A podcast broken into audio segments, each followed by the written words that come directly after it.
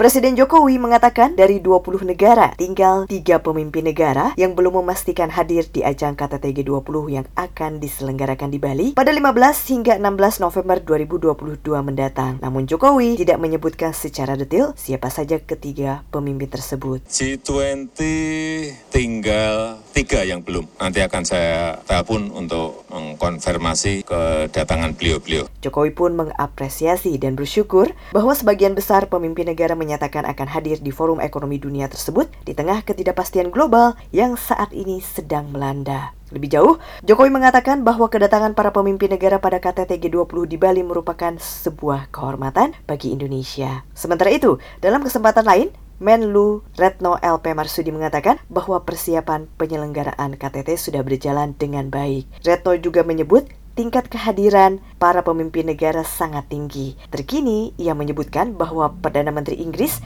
Rishi Sunak dan Perdana Menteri Italia Giorgia Meloni sudah menyampaikan konfirmasi terkait kehadirannya di KTT G20. Meski demikian, Retno juga menyebut bahwa beberapa pemimpin negara masih belum memberikan konfirmasi mengenai kehadiran karena situasi khusus. Retno juga menjelaskan bahwa para pemimpin G20 dijadwalkan tiba di Bali mulai tanggal 13 hingga 14 November 2022 dan langsung meninggalkan Bali setelah KTT G20 selesai. Beberapa pemimpin negara G20 nantinya akan langsung menuju Bangkok, Thailand untuk menghadiri KTT APEC pada 18 hingga 19 November 2022 termasuk Jokowi. Selain KTT G20 dan KTT APEC, Reno menyebut bahwa bahwa Jokowi akan terlebih dahulu menghadiri KTT ASEAN yang akan diselenggarakan di Kamboja pada 10 hingga 13 November 2022. Pengamat hubungan internasional dari Universitas Pajajaran, Rizky Ramadan menuturkan masih belum adanya konfirmasi kehadiran dari beberapa pemimpin negara bisa dimaklumi. Bagaimanapun, ujar Rizky, para pemimpin negara tersebut harus memprioritaskan kepentingan negara masing-masing terlebih dahulu. Meski begitu,